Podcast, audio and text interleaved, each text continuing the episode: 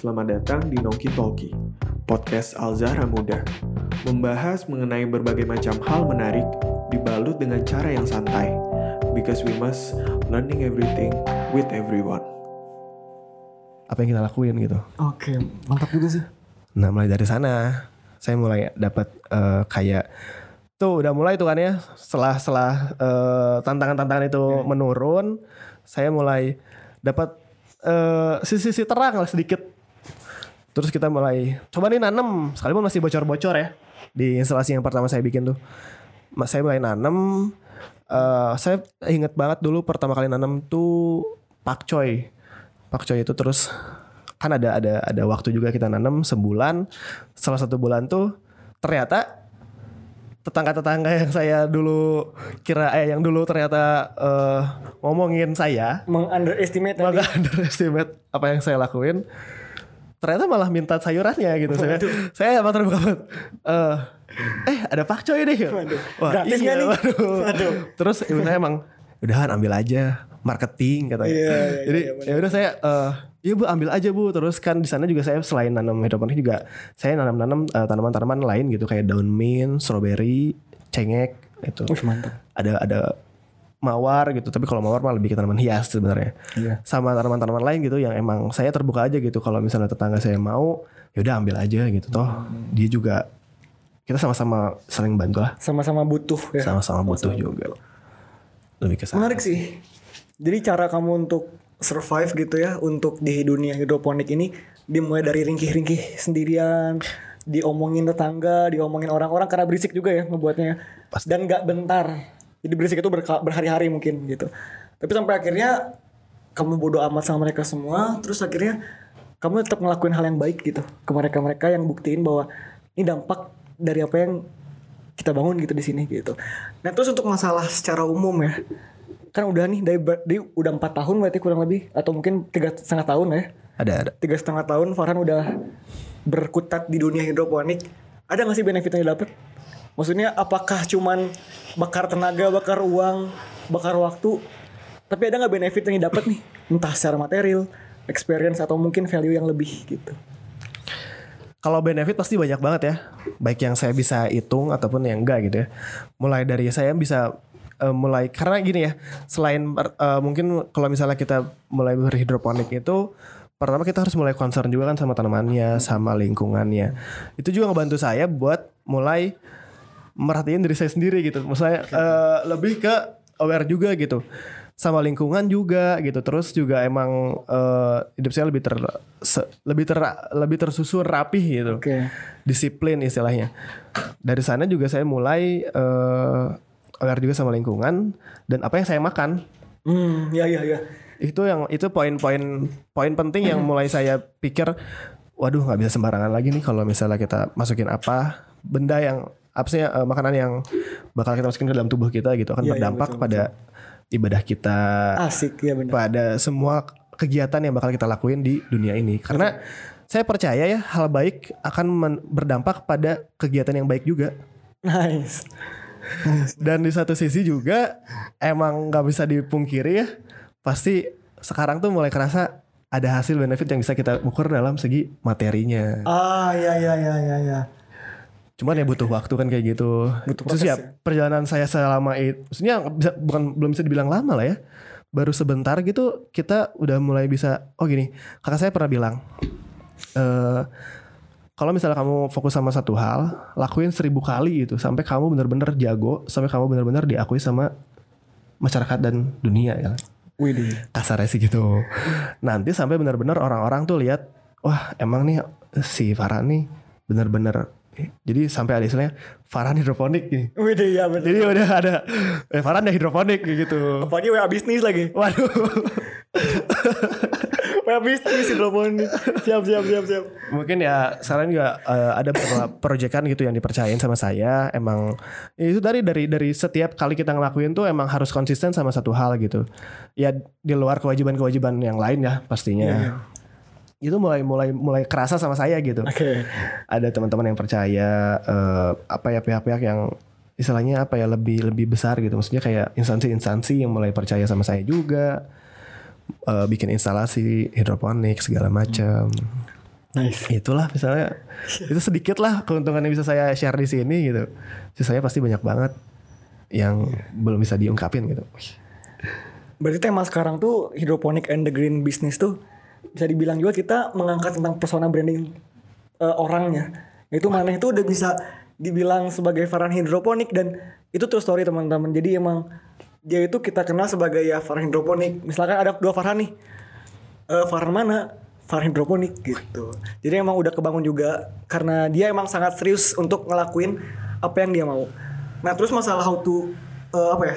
Gimana caranya kita mendapatkan profit terus menjadikan hidroponik bisnis kan pasti bakalan pro kontra nih. Ada aja orang-orang yang bilang e, kalau mau nanam nanam aja nggak usah mikirin tentang uangnya yang dapat nanti gimana. Tapi kan kita nggak bisa naif ya. Maksudnya someday itu kita pasti bakal butuh uang bakal butuh profit dan sebagainya dari apa yang kita tanam gitu ya. Nah itu cara untuk mengatasinya nih. Pasti bakalan sangat bertentangan sama beberapa orang gitu.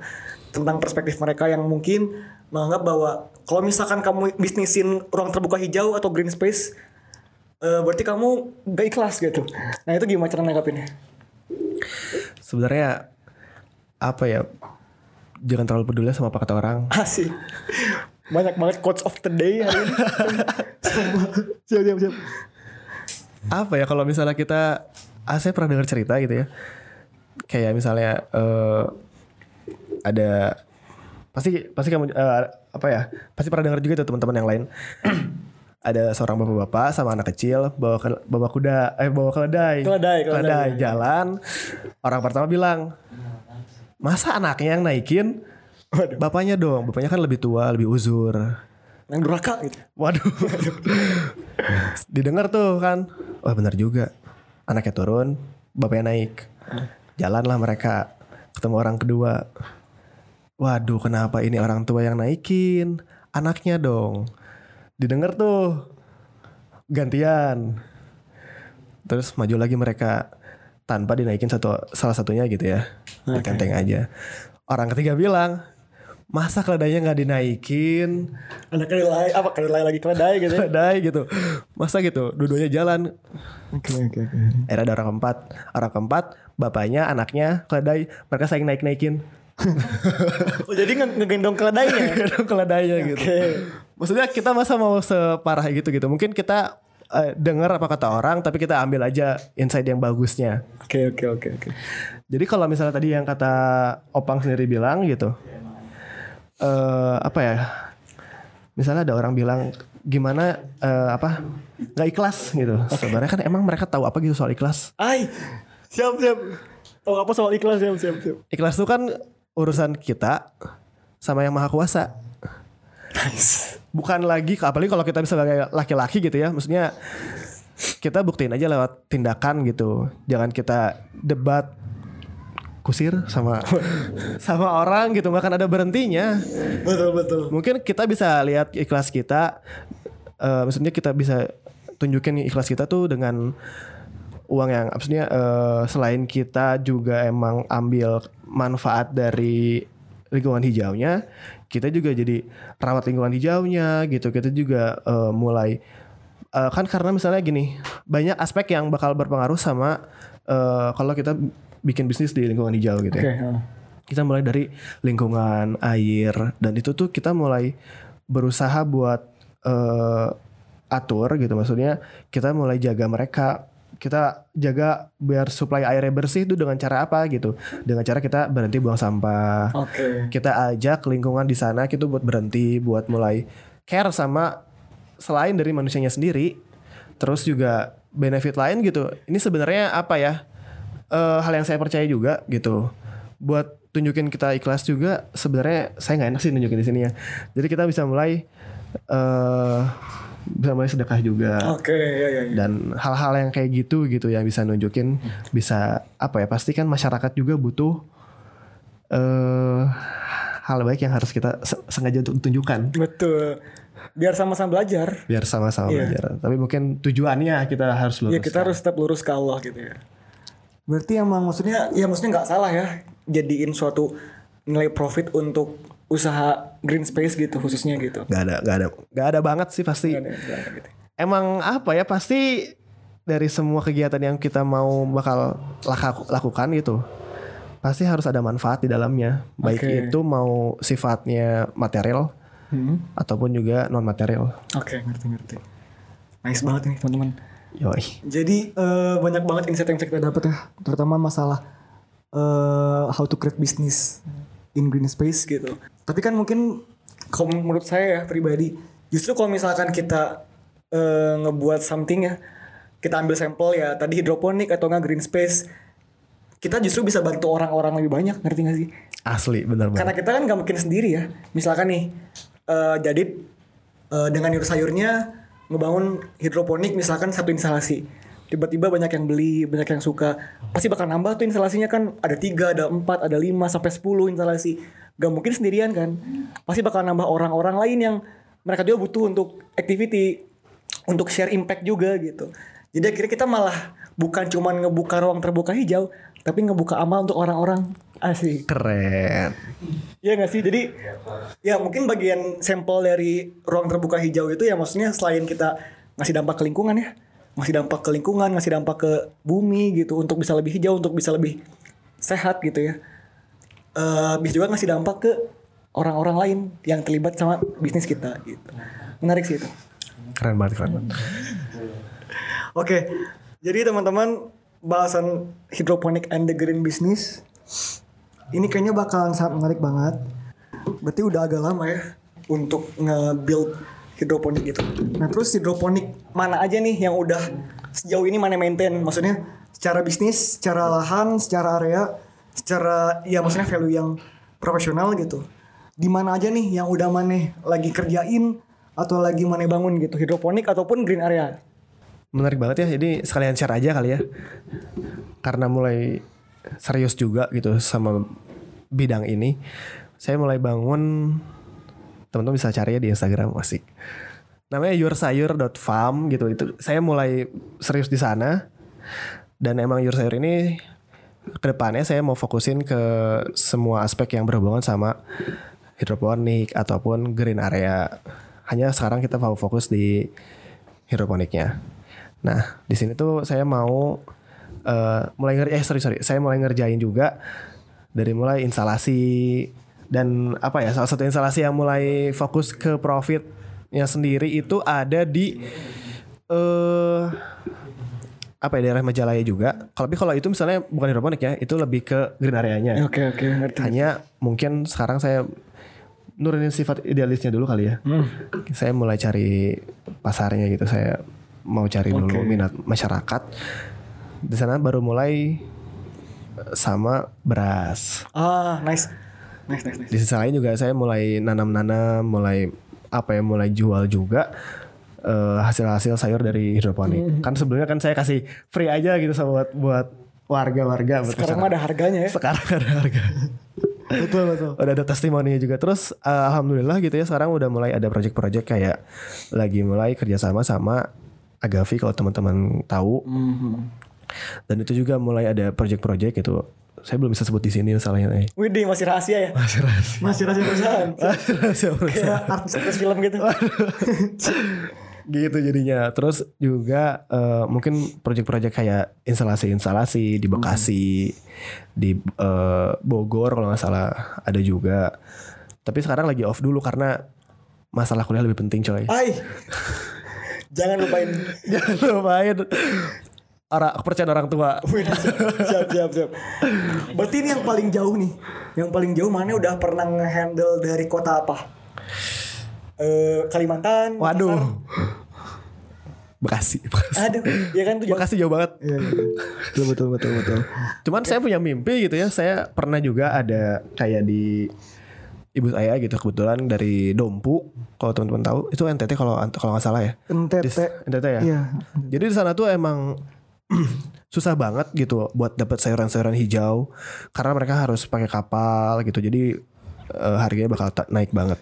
Nah saya punya ketertarikan buat bikin eh, pusat-pusat hidroponik itu di daerah-daerah yang emang susah gitu, buat bantu mereka gitu. Kalau misalnya ada eh, materialnya ya udah gitu mah apa ya sejalan aja lah gitu. Oke. Gak usah terlalu dicari. Nice. Rezeki udah dia ngatur pak. Heeh. Berarti emang eh, secara experience sudah banyak banget ya untuk tentang hidroponik dan sebagainya gitu. Berarti emang Benar. ya secara pengalaman, secara apa ya value yang maneh udah kasih gitu ke hidroponik terutama atau nggak green space itu udah gede gitu. Mana ada nggak sih semacam visi gitu yang mana inginkan tentang hidroponik atau green space yang sedang mana lakuin? Karena orang mikirnya gini sih Han, semua orang itu di usia kita sekarang ya 21, 22, 23 gitu ya. Kita tuh udah mulai jelas gitu, oh orang mau jadi apa gitu. Ngerti gak sih kayak oh mana Far hidroponik, ada Gilang Gilang Alzara Space asing, ada Opang Barnusa, Fir Barnusa gitu, Bioendisis gitu. Jadi kan udah mulai ada suatu persona branding yang dibangun sama kita sendiri untuk orang-orang gitu. Nah visi yang Maneh mau lakuin nih dengan Maneh sebagai eh, hidroponik bisnis gitu ya, apa sih? Ngomongin visi ya menarik banget sih ini. Mungkin lebih ke visi hidrop eh, hidroponik yang saya mau bangun kali. ya. Oke boleh boleh. Jadi dulu tuh sempat ngobrol juga sama kakak saya. Eh sebenarnya apa sih yang jadi tiang gitu bisnis kamu tuh bakal berdiri. Terus saya mulai searching-searching brand-brand besar lah. Kayak misalnya Samsung, iPhone, dan masih banyak lagi gitu. Mereka tuh bergerak dari satu visi yang emang kuat dan emang apa ya disebutnya fundamental gitu buat bisnis mereka. Dan emang itu bekerja gitu. Lihatlah sekarang siapa sih yang nggak tahu iPhone, siapa sih yang nggak tahu Samsung. Dan buat visi your sayur sendiri dan siapa sih yang nggak tahu Xiaomi? Kameranya empat. Nah. Nah, buat your sayur sendiri tuh punya visi. saya mau eh apa saya eh he sayur di setiap dapur mereka. uh, Itu sebenarnya kata-kata sederhana aja. Cuman eh dampaknya gitu buat buat your sayur juga kita mau go global gitu. Terus juga itu yang ngegerakin kita buat eh expand setiap harinya. Oke. Itulah yang jadi dasar gitu buat your sayur berdiri ini juga. Berarti visi yang mulia ya. Maksudnya visi jangka panjang yang keren banget gitu. Bukan mikirin tentang your sayurnya doang, tapi mikirin tentang orang-orang tuh ke depannya harus terpenuhi nih kebutuhan pangannya. Apalagi mungkin ya ke depannya kan sederhana atau enggak kita bakalan hidup di era modern dan teknologi yang tinggi gitu ya. Nah, eh harus ada solusi dan inovasi terutama dalam bidang pertanian juga gitu. Misalkan emang lahan-lahan nanti dikeruk sama pihak-pihak tertentu tapi kita tetap bisa menghidupkan para petani. Kita masih bisa terus menghasilkan pangan-pangan yang sehat. Nggak apa ya nggak dibuat sama suatu sistem teknologi yang cuman oh ini sayur selada tapi ternyata sayur seladanya adalah bahan kimia yang dibuat sama orang-orang gitu tapi bener sih organik dari sayur-sayur ini bisa menjadi suatu hal yang healthy ya sehat untuk semua keluarga gitu bahkan kalau kata saya nggak akan pernah ada matinya ya kebutuhan sayur tuh bakal terus ada gitu mau misalkan nanti kita menjelang eh, perang dunia ketiga juga atau mungkin atau gimana ya pasti bakal terputus sayur ya kan pasti banget gitu. Ada yang bilang juga mungkin pasti teman-teman pernah denger inilah. Eh mungkin kita pasti bakal butuh dokter ya seminggu at least sekali lah. oke Tapi kita butuh sayur man, kita butuh petani setiap harinya.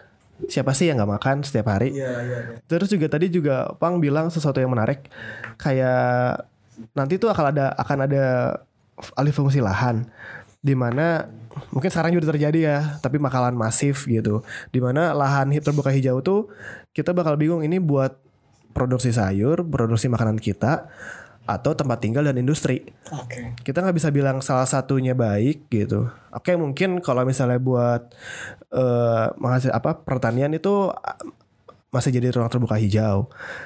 Tapi kalau misalnya kita juga nggak boleh nggak usah naif lah gitu. Kita juga butuh tempat tinggal. Kita juga butuh hal-hal yang menunjang kebutuhan kita gitu. Di situlah industri hadir kan. iya betul betul Dan kita juga berusaha buat ambil jalan tengah ambil am- jalan tengahnya. Ya kenapa nggak hidroponik aja? ah iya iya Di sana karena juga. ya lebih simpel juga ya Iya gitu, gitu. Manfaatin ruang yang ada, dengan lingkungan kita tetap jaga. Kan rumah juga tetap kita butuh. Hal-hal yang lain juga tetap butuh. Dan makanan juga kita masih bisa jamin kok ah siap. kebersihannya. berarti insya Allah sampai 2030 aman lah ya Aman lah. ya Mau pandemi juga, aduh, janganlah sih tapi. oh iya iya iya Pandemi sekarang juga kita bisa lihat ya. Eh perkembangan hidroponik tuh naik banget gitu. Betul. Selain buat hobi juga menghasilkan cuy. minimal kalau nggak dijual buat kita kan ya Nah itu bener di mana kalian tahu proses dari tumbuhnya makanan yang kalian bakal makan itu tuh effort buat panen dan makan tuh bakal kalian tahu gitu wah ini yang saya tanam nih gitu rasanya manis dan segala macam gitu itu tuh yang Mhm. yang emang banyak customer juga bilang gitu ya Oke. teman-teman saya bilang gitu. kayak Berarti gitu solusi nih untuk teman-teman yang gak suka sayur buat hidroponik. Jadi biar tahu betapa susah dan eh, butuh effort besar untuk memakan sayur gitu. sangat Jadi bisa menghargai juga ya, menghargai hal-hal yang sebenarnya kita sering temui kan.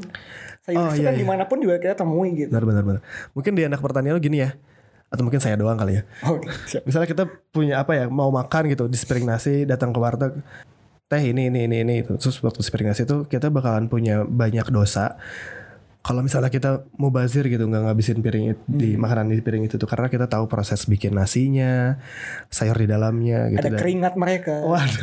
iya benar-benar itu tuh bayangin aja coy buat eh, dapat sepiring nasi itu prosesnya itu tiga bulan.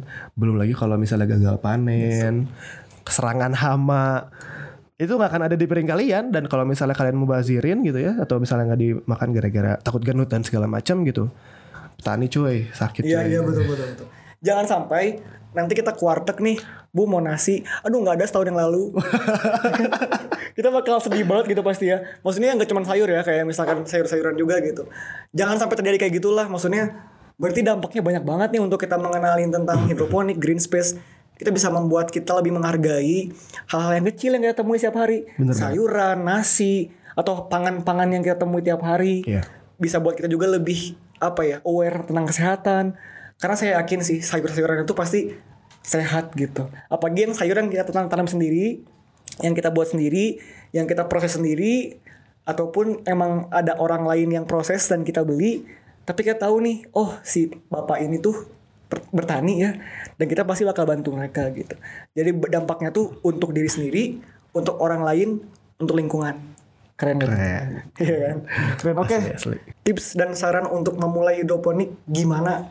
Kayak apa yang harus diperhatikan dan di manage duluan? Pertama yang mungkin saya mau bilang ya, kayak slogannya Tokopedia, Eh, siap. Mulai aja dulu. Asik. Lu nggak dibayar nih. Gak dibayar. Kita gak disponsorin ya. Ini, ini free sponsor ya. Belum. Nanti bayar ya Tokopedia. Karena serius ya teman-teman ya. Buat mulai dan atau misalnya tahu masalah yang belum kalian mu- eh, mulai juga gitu. Kita akan tahu. Karena mungkin ada beberapa faktor yang di luar kita tentuin. Itu bakal ada. Kayak misalnya di kasus saya tetangga. Itu kan jadi cobaan juga ya. Tapi mungkin buat teman-teman yang mau mulai kalian bisa beli langsung yang udah jadi atau juga bisa DIY sendiri aja. Iya betul.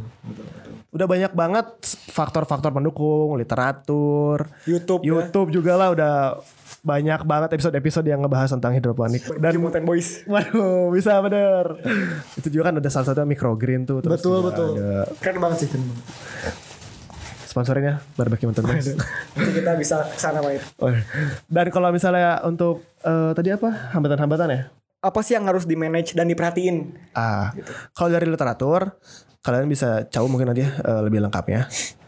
Itu kayak misalnya kan harus aware sama air yang kalian pakai karena basicnya juga udah hidroponik. Di mana air jadi salah unsur yang paling penting di tanaman yang kalian bakal tanam. Selain itu ya ada suhu, pH, benih yang mau kalian pakai, medianya, Nutrisi juga. nutrisi itu mah semua bisa kalian tahu lah.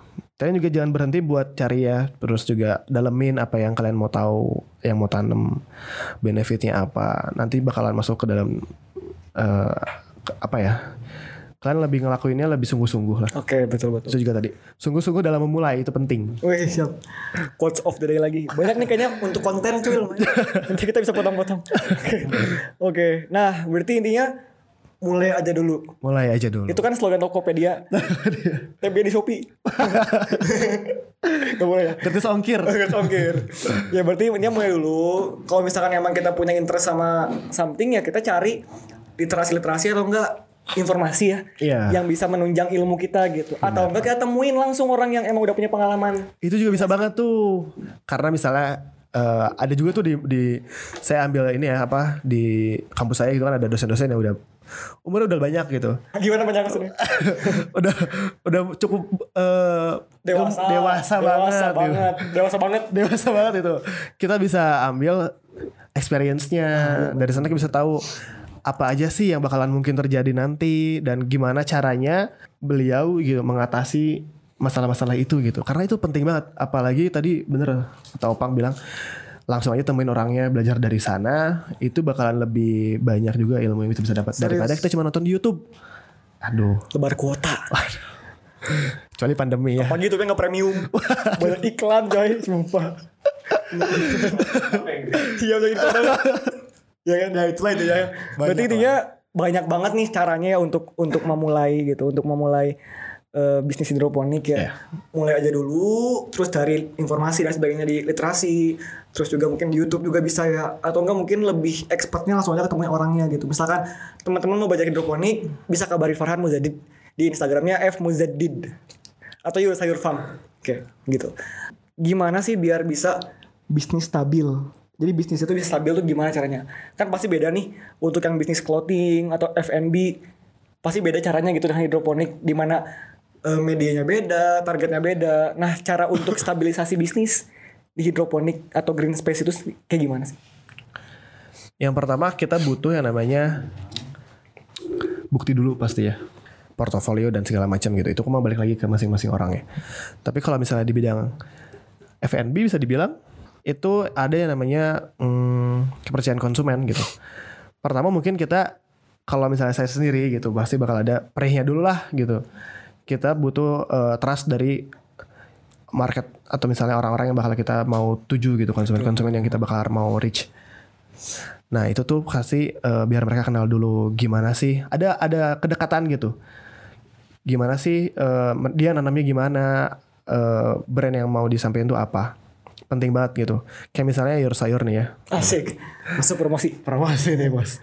Saya kan emang fokus di Your sayur tuh mau dikasih gitu karena saya aware dengan pertama tingkat konsumsi sayur yang rendah gitu dan juga sekalipun itu mereka konsumsi sayur gitu mereka juga nggak nggak tahu gitu sayur yang mereka konsumsi itu prosesnya kayak gimana dan saya mau konsumen saya tuh tahu prosesnya kayak gimana manfaatnya apa sehingga dia lebih menghargai makanan dia mau makan nice tapi kalau misalnya buat kunci Woi, kunci kesuksesan kali ya. asik sinar dunia gitu buat sayur tuh yang pasti harus ada.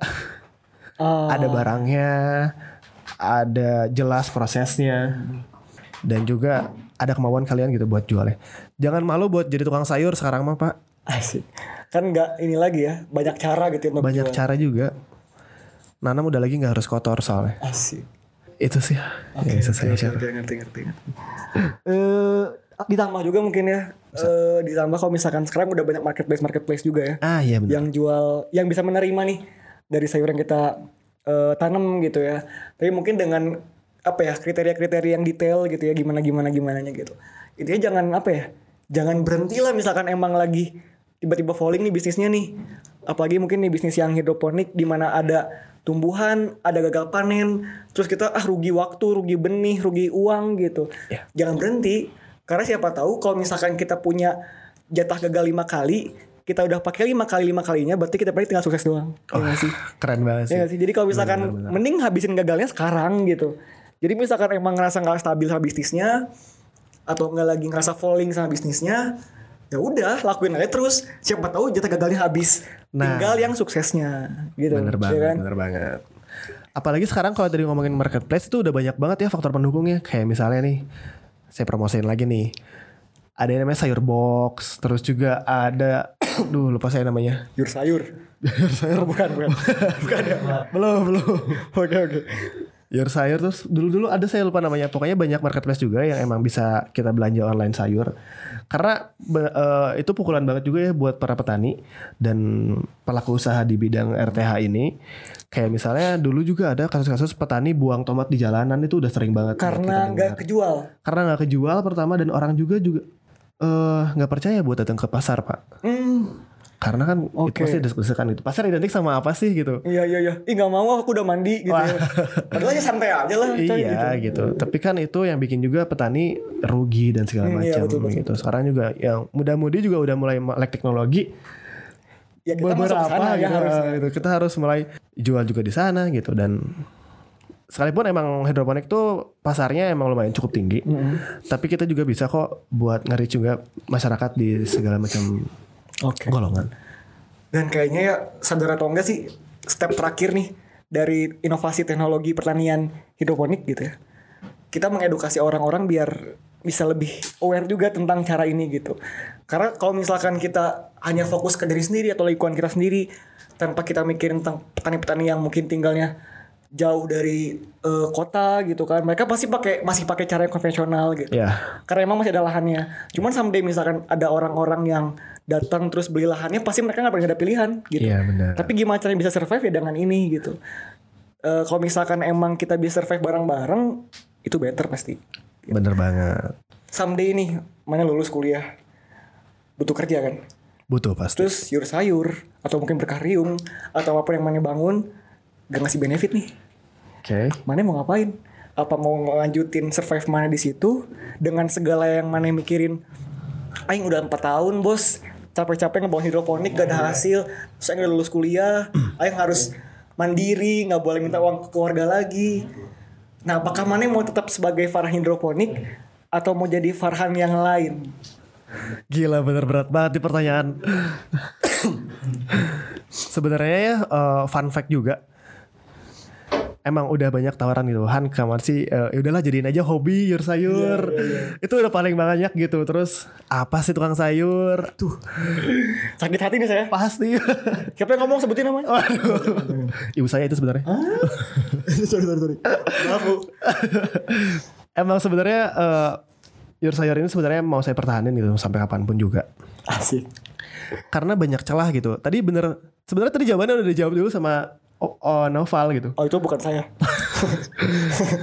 Mungkin kita misalnya setelah empat tahun eh, setelah kita merasakan gagal berkali-kali gitu ya bisa dibilang. Kalian pasti ingat kan eh, gimana sampai McDonald tercipta? Di umur berapa sih mereka eh, di umur berapa sih beliau? Eh KFC KFC sorry. Kolonel Kolonel Kolonel Kolonel Fried Chicken? Pokoknya benerin Saya tahu. Kolonel itu apa nih nggak ngasih briefing. Gimana? KFC kan yang bikin KFC sendiri itu baru sukses di umur 80 tahun pak. Oh iya bener bener bener. Iya bener. dia tuh punya banyak proses gagal yang emang harus dihabisin sampai mungkin eh, cukup tua gitu. Tapi saya kan sebenarnya emang kita nggak tahu ya kita sukses di umur berapa. ya jangan 80 gitu. tahun juga. Iya, sampai 80 tahun juga. Nyampe emang Waduh. Iya Moga nyampe Semoga. Eh semoga jangan Karena Minta dosanya nanti Waduh, iya benar juga. Lanjut Nah, jadi kalau misalnya eh, mau dipertahankan apa mau dipertahankan apa enggak sih?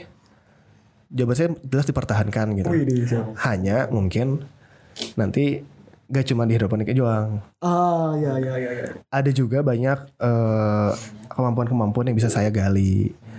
Karena saya percaya itu manusia gak cuma dikasih satu kemampuan coy. Asik Pasti banyak banget yang kita bisa gali. Hanya mau apa enggak. Iya Ya bener setuju Setuju Aing Di mana eh Ya, ya udah gitu cari uang gitu. Betul betul Tapi sudah Life lulus cycle, kuliah ya Iya, life cycle. lulus kuliah gitu terus pagi laki-laki aduh berat eh tapi Tapi- tinggi eh Waduh, Karena menjadi barang-barang deh.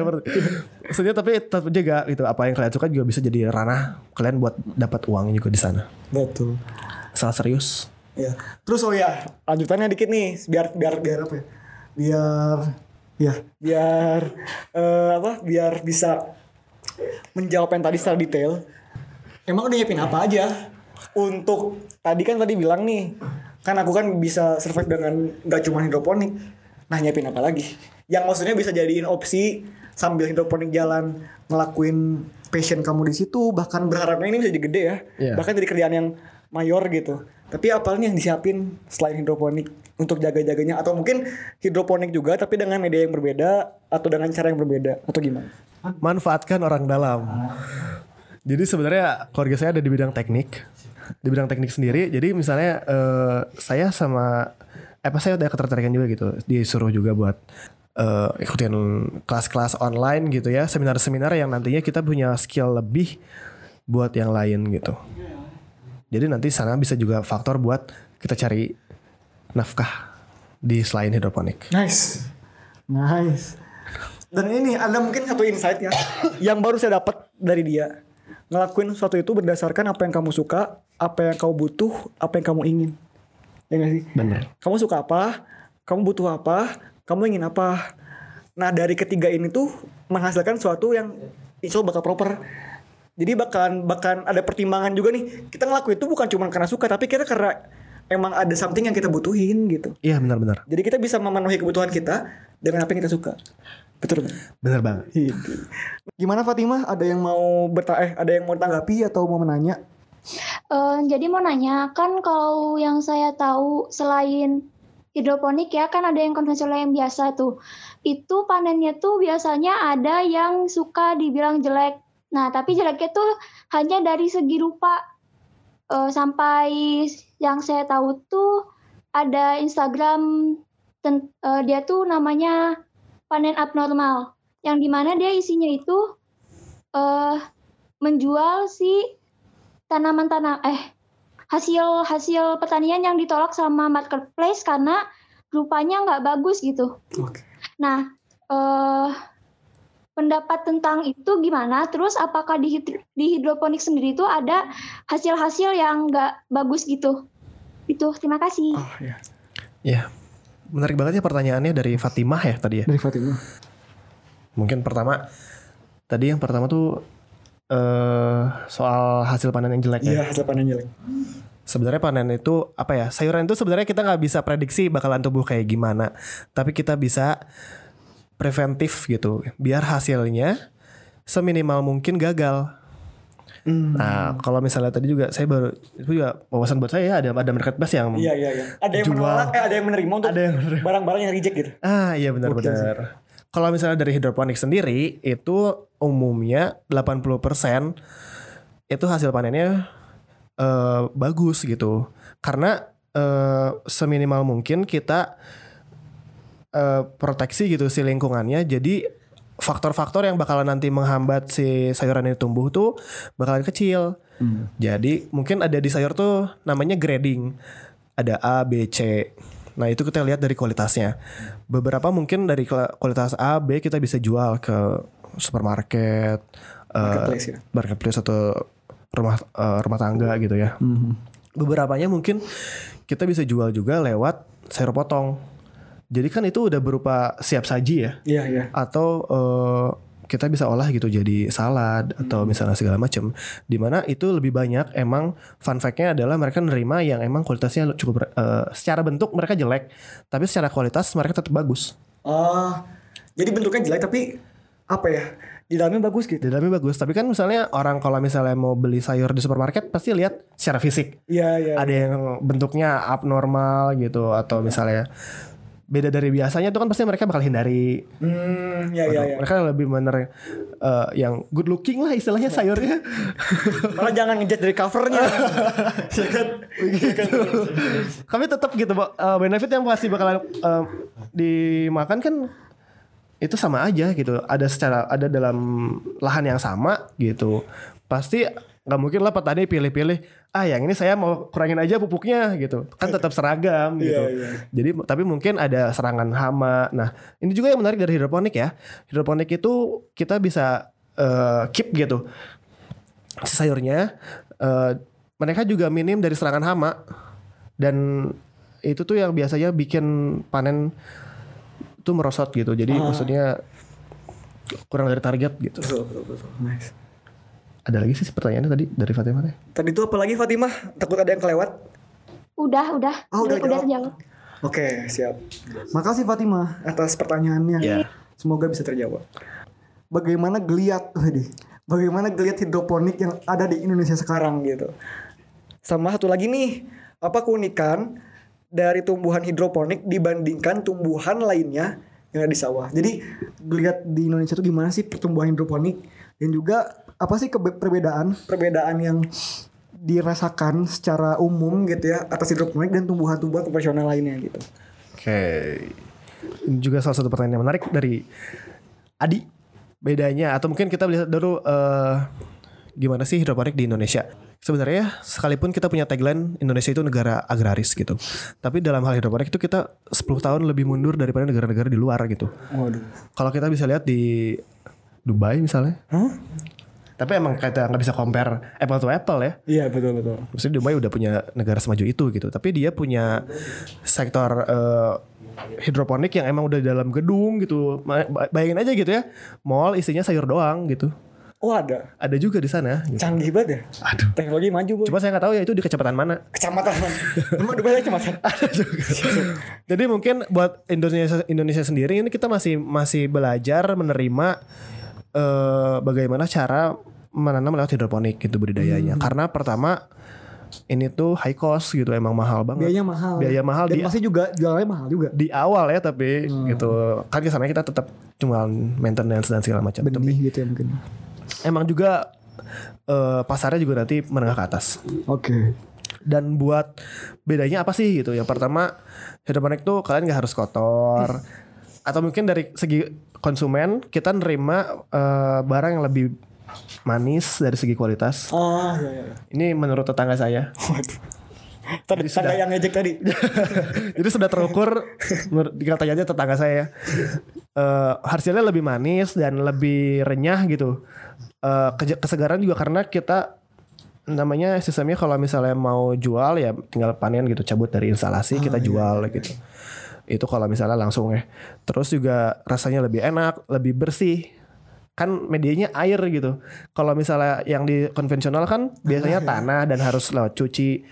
Beberapa juga ada yang nyuci di lahannya juga gitu. Jadi Di apa irigasinya? di irigasinya jadi eh, bersih aja gitu. Nyampur-nyampur sama apa itu? Ya kita nggak tahu ya mereka pakai air apa gitu. Iya, Cuman iya, kalau iya, ini kita bisa pastiin bersih pak. Kecuali kalau airnya bukan air bersih. Waduh. Iya kan kalau hidroponik awalnya bukan air bersih ya nggak bersih berarti. Iya benar juga. Tetap Iya kan. Itu mah gimana? Gimana awalnya? Pelaku ya gimana? Kalau gimana awalnya emang udah bersih ya bersih berarti ya. Iya benar. Berarti emang tadi dirasa juga lebih enak, lebih bersih, lebih efisien juga. Enak. Tapi mungkin kekurangannya lebih mahal ya. Lebih Itu mahal. kayaknya worth it lah untuk untuk dibeli karena kayaknya walaupun mahal tapi kayaknya nggak jauh beda lah ya. Iya. Berapa sih kisaran harganya dari yang eh, harga eh dari yang pasaran sayuran biasa sama sayuran hidroponik? Kita ambil aja kalau misalnya jual 250 gram ya atau seperempat kilo. Itu kalau misalnya yang konvensional itu kan dijualnya 3000 4000 Oke. itu di mamang sama mamang sayur. Tapi kalau misalnya hidroponik rata-rata ada di 6000 sampai 9000. Oke. Jadi emang lumayan cukup. Jadi bahan pertimbangan lah Iya, buat ibu-ibu rumah tangga. Tapi apa yang kalian beli tetap sebanding sama apa yang kalian dapetin kok. Berarti lebih enak lah, lebih, lebih sehat juga mungkin ya. Iya, Dan lebih terjamin juga gitu. Maksudnya dari segi quality controlnya pasti bisa lebih terjamin gitu. Lebih terjamin lah. Pertanian presisi lah kalau misalnya hidroponik itu. Kalau misalnya di petani-petani konvensional kan mereka biasanya pakai legenda tuh. Jadi misalnya orang tuanya nanam pakai pupuk 5 kilo dan anaknya ketika misalnya jadi petani ya udah pakai pakai juga 5 kilo gitu. Karena emang turun menurun ya. Karena turun menurun jadi nggak ada nggak ada ukuran yang pas gitu. Hmm, iya iya. Padahal iya, kan benar-benar. alam pasti kan ada naik Perubahan turun, ya, ada perubahan gitu. Nggak selamanya bisa dipatok segitu. Berarti bisa dibilang ya hidroponik ini salah satu solusi pertanian yang presisi ya. Dari Bisa. segi maintenance sampai akhir juga kita bakal mempertimbangkan sekecil apa pun. Bener banget, gitu. bener banget. Oke. Nah itu Adi semoga terjawab.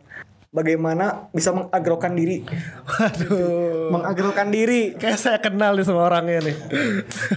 Mengagrokan diri. Mengagrokan diri. Ini kata-katanya lumayan cukup baru gitu telinga saya. Telinga saya juga. Mengagrokan diri gitu. Berarti kan mendekatkan kita sama agro itu sebenarnya kan bisa diartikan sebagai lingkungan hijau Oke. atau lingkungan lah secara universal. Bagaimana kita cara mendekatkan emang agrokan diri adalah bagaimana kita menganggap lingkungan itu sebagai makhluk hidup lain gitu. Oke. Sebenarnya emang makhluk hidup, cuman kan kita lebih sering menganggap mereka ah, sebagai faktor pendukung dari keegoisan manusia gitu. Hmm. Kita cuma hidup ya hidup gitu, buang sampah, pakai motor. Hah? Jangan dong. Secara Kita maksudnya, masih pakai motor semua. Kita belum ada pakai sepeda. maksudnya kita bisa meminimalisir itu gitu. Eh mengagrokan diri ya kita mulai nanam gitu. Dan menanam itu bukan cuman lewat media-media itu gitu. Kita bisa juga nanam kebaikan. Ai. Kita bisa juga nanam pikiran-pikiran baik di otak kita gitu, di otak-otak sekitar kita gitu. Jadi self improvement ini bukan ngomongin rokok tapi tapi bener ya bener bener bener bener bener. bener. Jadi emang maksudnya pertanian tuh bukan cuman ngajarin kita buat cara nanya nanam, tapi caranya juga kita aware sama lingkungan kita. Mungkin eh, jurusan-jurusannya juga eh, apa ya ngajarin itu. Cuman kalau di pertanian kan kita lebih dekat gitu. Ya gimana nggak dekat gitu? Kita tiap hari ke sawah, kita tiap hari ngelihat Yang hijau-hijau. petani-petani yang emang eh, keringatnya lebih banyak daripada apa yang mereka dapetin. Oh, iya, menarik sih. Jadi mungkin untuk mengagrokan diri ya mulailah kita eh, sadar gitu sama isu-isu yang apa yang apa yang lagi hangat gitu. Kayak misalnya ada kebakaran hutan gitu. Itu kenapa kita kan harus melakukan. Nah, nice. Nice. Jangan sampai kita gajah di pulau- gajah di seberang lautan lebih kelihatan daripada apa yang ada di depan mata kita. Wih, Pepatah lama ya. pepatah lama itu. Pepatah Melayu. Maksudnya kita sadar gitu apa ya misalnya ada kebakaran hutan di Amazon gitu. Kita sadar akan itu kita bela-belain lewat media sosial, tapi kita nggak nggak belain ketika ada saluran mampet Kita di pinggir rumah kita gitu ya. itu. Kita speak up masalah hutan di Australia kebakaran, tapi kita sambil ngopi terus buang sampah sembarangan. Nah, Itu berarti yang bullshit gitu ya. asli asli banget. Gitu kan. Jangan gitulah anak muda lah. Nah berarti nih satu menarik nih. Tadi Farhan juga sebutin bahwa mengagrokan diri itu kayaknya bukan cuma untuk anak pertanian coy. Kayaknya semua profesi bisa menjadikan suatu awareness tentang lingkungan hijau itu menjadi habit. Ngerti gak sih? Bener. Jadi nggak cuma anak pertanian, nggak harus anak-anak pertanian atau agrotech, agribisnis atau apa pun itu yang fokus cuma ke pertanian gitu. Tapi kita kira teman-teman yang mungkin ada kerjaan lain sebagai profesi lain gitu. Kita bisa tetap aware lingkungan gitu. Misalkan ya yang simpel tadi, kita bawa sampah ke tempatnya atau mungkin bisa sampai expert misahin mana organik dan anorganik gitu ya. Benar-benar. Bisa aware juga tentang lingkungan hijau di rumah, mungkin banyakin tanaman-tanaman biar lebih seger gitu. Jadi bisa membantu dari apa yang kita lakuin secara kebiasaan. Ya. Walaupun kamu bukan seorang anak pertanian, tapi kalau misalkan punya keinginan, ya pasti bisa untuk menghijaukan dunia kita. Asik. dunia kita gitu. dunia kita gitu. Ini nanti ada tulisan-tulisan gede gitu ya nanti. Oh iya iya iya gitu ya. Gitu, gitu. Nah, Oke lah. Ini kayaknya udah gak kerasa cuy, udah 1421. Bertanya ya, Boleh. Waalaikumsalam. Waalaikumsalam. eh, tadi kan apa ya? Tentang gini nih misalkan tadi tuh Kang Farhan kan punya cita-cita pengen tadi sampai saya catat juga gitu ya Widih, siap. Nah, Kang Farhan ya pengen ada sayur di setiap dapur mereka. Iya. Itu aku setuju banget sih. Tapi misalkan gini, Kang Farhan pernah eh, pernah kepikir nggak sih ketika konsumen itu berpindah ke hidroponik gitu, eh berpindah ke sayur yang asalnya dari hidroponik. Nah, gimana sih nasib-nasib petani konvensional gitu, Kang? Karena kalau menurut sudut pandang aku nih, petani-petani konvensional yang sekarang udah jelas kurang sejahtera itu tidak memungkinkan buat eh, berpindah ke hidroponik. Nah, karena mahal juga kan ya kalau hidroponik itu maksudnya tadi juga udah dibilangin sama Farhan biayanya segini segini segini bahkan sekarang buat petani konvensional itu eh yang aku perhatiin gitu karena aku juga kebetulan mahasiswa agrotek kan nah yang aku perhatiin itu mereka buat beli eh pupuk kayak gitu aja tuh kadang suka disubsidi kadang suka nyari yang disubsidi sama pemerintah. Nah, ketika konsumennya sudah berpindah ke beli sayur hidroponik, menurut aku eh, mereka itu bakal lebih nggak sejahtera lagi karena eh, si konsumennya udah pada pindah ke situ gitu. Jadi mereka nggak ada yang beli. Aku cuma pengen nanya sih eh, sudut pandangnya Kang Farhan soal itu gimana? Apakah bakal tetap mempertahankan keidealismenya Kang Farhan, tapi eh, menekan gitu, menekan menekan para petani konvensional apa kayak gimana gitu Kang? Waduh, ini mah saya mah apa ya manggahan ambil aja tak pertanyaannya semua kurang mundur. Berat banget tapi keren sih, gokil. Manggahan.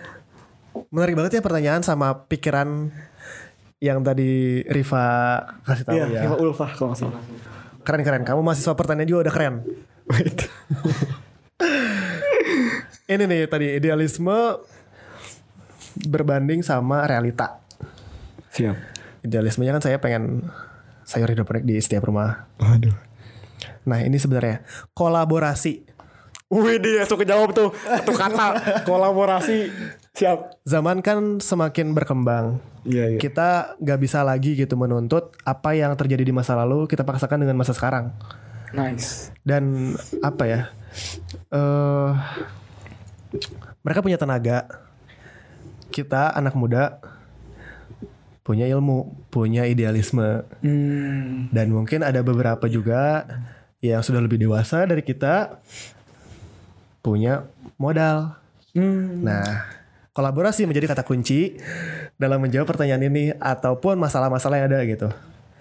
Biasanya petani di usi, eh, petani yang ada sekarang itu range umurnya adalah 40 tahun ke atas. Dan mereka mungkin gak semuanya tapi mereka banyaknya adalah hanya sebagai eh, apa namanya? penggarap. Oke. Jadi yang punya tanahnya tetap orang lain dan mereka akan ada di satu circle kemiskinan. Sorry to say gitu ya. Iya iya. Mereka hanya eh, apa ya? Lagu dangdutnya gali lubang tutup lubang cuy. Nino. jangan ada, jangan ada. Oke oke. Jangan. Jadi mereka emang eh, mungkin sebelum nanam mereka berhutang, setelah nanam mereka punya uang menutup hutang. Oh jadi Nikah dengan lagi. repetisi itu ya? Replik. Enggak, enggak. Jadi emang seperti itu gitu gitu. Kalau misalnya emang mau memecah gitu selain kita mengandalkan regulasi yang ada, kita juga sebagai muda-mudi ya bergerak gitu. Kita kita bisa rangkul mereka karena mau nggak mau mereka lebih tahu gitu. Mereka juga lebih punya tenaga daripada kita. Iya betul. Seumur hidup mereka habisin ada di pertanian. Kita misalnya eh, cari investor, mungkin atau misalnya juga kuras tabungan untuk sedikitnya gitu kita rangkul mereka. Eh, Kita mereka- edukasi mereka. kita edukasi juga gitu karena mungkin eh, beberapa mungkin ada yang tetap bertahan di konvensional gitu tapi ketika nanti lahannya terbatas maka akan dipaksakan untuk menjadi hidroponik mungkin Atau hal-hal lain ya yang atau lebih simpel ya. gitu yang bisa memanfaatkan lahan itu kan kuncinya memanfaatkan lahan Eh, pertanian konvensional ataupun hidroponik itu bukan menjadi suatu yang bertentangan sih. Ya itu pilihan masing-masing. Jika emang jika emang eh, nanti bisa punya lahan yang cukup untuk bertani konvensional, ya mangga, ya nggak masalah juga. Tapi misalkan emang kita cuma punya lahan terbatas, tapi kita ingin berusaha buat kontributif nih sama lingkungan, sama pertanian, ya hidroponik gitu. Jadi itu lebih ke opsi gitu ya. Dan kolaborasi ini bisa menjadi suatu hal yang eh, efektif gitu untuk menjadi jawaban tentang bagaimana sih nanti eh, petani-petani yang konvensional mungkin mereka bakal kehilangan kerjaan ya yang nggak akan yang anak-anak muda punya ilmu edukasi mereka punya pengalaman dan tenaga ada orang lain yang nggak punya ilmu nggak punya tenaga tapi punya modal menjadi suatu hal yang besar. Nice. Asik keren banget ya. Bener bener bener bener. Nah sedikit closing statement nih dari Farhan Muzadi tentang hidroponik atau enggak tentang how to create business in hidroponik gitu. Gimana? Waduh. Dari tadi udah banyak banget nih quotesnya. Terakhir mungkin ya kalau misalnya kita ngomongin hidroponik kita gak bisa cuman idealisme doang kita juga harus lihat realita. Tadi benar kita juga bisa harus rangkul siapa yang punya modal siapa yang punya tenaga dari yang muda sampai yang dewasa. Dewasa. Dewasa. Tapi kalau misalnya kita ngomongin hidroponik atau green areanya sendiri quotesnya nih. Wih siap-siap nulis nih. Buat di up di Instagram. Di caption. kita nggak bisa lagi hidup berindividualisme gitu Oke. masing-masing kita juga emang harus berdampingan Iya iya iya. sama yang namanya lingkungan dan hal-hal lain gitu selain kita sendiri satu Oh yang satu. Ada banyak nih kayaknya. Siap siap. closing statementnya aduh Better together. jangan anggap atau mungkin kita bisa mulai menanam itu sebenarnya kayak kita ngerawat anak kecil. Kita nggak bisa cuman taruh mereka di tempat. Kita kasih mereka makan kita masih mereka mikum. Kita kasih mereka minum. Kita berharap mereka akan tumbuh dewasa menjadi sosok yang baik. Tapi kita juga harus kasih sa- kasih sayang sama eh, anak itu tumbuhan itu sampai mereka jadi atau bisa tumbuh dan jadi hal yang baik gitu. Duh sangat dewasa sekali. Gitu bro. Sangat kekeluargaan sekali. Gitu, bro. Iya iya betul betul betul. Tapi benar sih benar benar benar. Intinya mungkin bisa disam, bisa disamain kayak seorang anak ya. Benar. Kalau kita ingin anak yang nanti gedenya bakalan baik, bakalan berhasil, ya kita dari awal dia ada, dari awal dia belum lahir pun juga penuhi nutrisinya, penuhi keilmuannya, penuhi ilmu-ilmu yang baik untuk mereka ke depannya. Karena intinya apa yang kamu tuai berdasarkan dari apa yang kamu tanam. Kalau kamu mau ngambil yang hasil yang bagus, ya kamu nanam yang bagus. Betul. Betul banget. Nah. Gila. Ya semoga bisa terus menerus menebarkan kebaikan, saling membersamai, saling membantu, saling men-share apa yang kita bisa. Karena Nongki Talki punya tagline coy. Sebutin tagline-nya. Apa dong? Ayo, mana apa nih? Yang mana? Nongki Talki hidup sehat dan life sharing. Wih, kaget, kaget, kaget, kaget. baru kepikiran itu. Cuma teman-teman, thank you juga udah mau ngedengerin sharing ini gitu ya. Walaupun ada sedikit yang nyeleneh, mohon maaf. Tapi intinya eh, apa yang kita dapetin hari ini, insya Allah bisa kita bermanfaat untuk ke depannya gitu. Mungkin someday teman-teman ada yang punya usaha hidroponik atau emang tiba-tiba dari pulang dari sini langsung nanam tanaman gitu atau beli tanah gitu kan. Jadi bener-bener langsung punya, aduh aku ingin menjadi petani yang hebat gitu. Jadi ya semoga aja bisa tercapai. Dan untuk teman-teman pertanian, semangat untuk bisa mengedukasi masyarakat dan kita semua untuk aware sama lingkungan hijau. Siap? Siap. Siap. Saya Muhammad Noval Khairul Fadli, Saya Muhammad Farhan Muzadid. pamit undur diri. Terima kasih atas uh, waktunya di Talki. Sampai jumpa dua minggu dari hari ini. Kita ketemu lagi di Nongki Talki episode 3. Dengan materi rahasia. Nanti kita bahas ya. Thank you.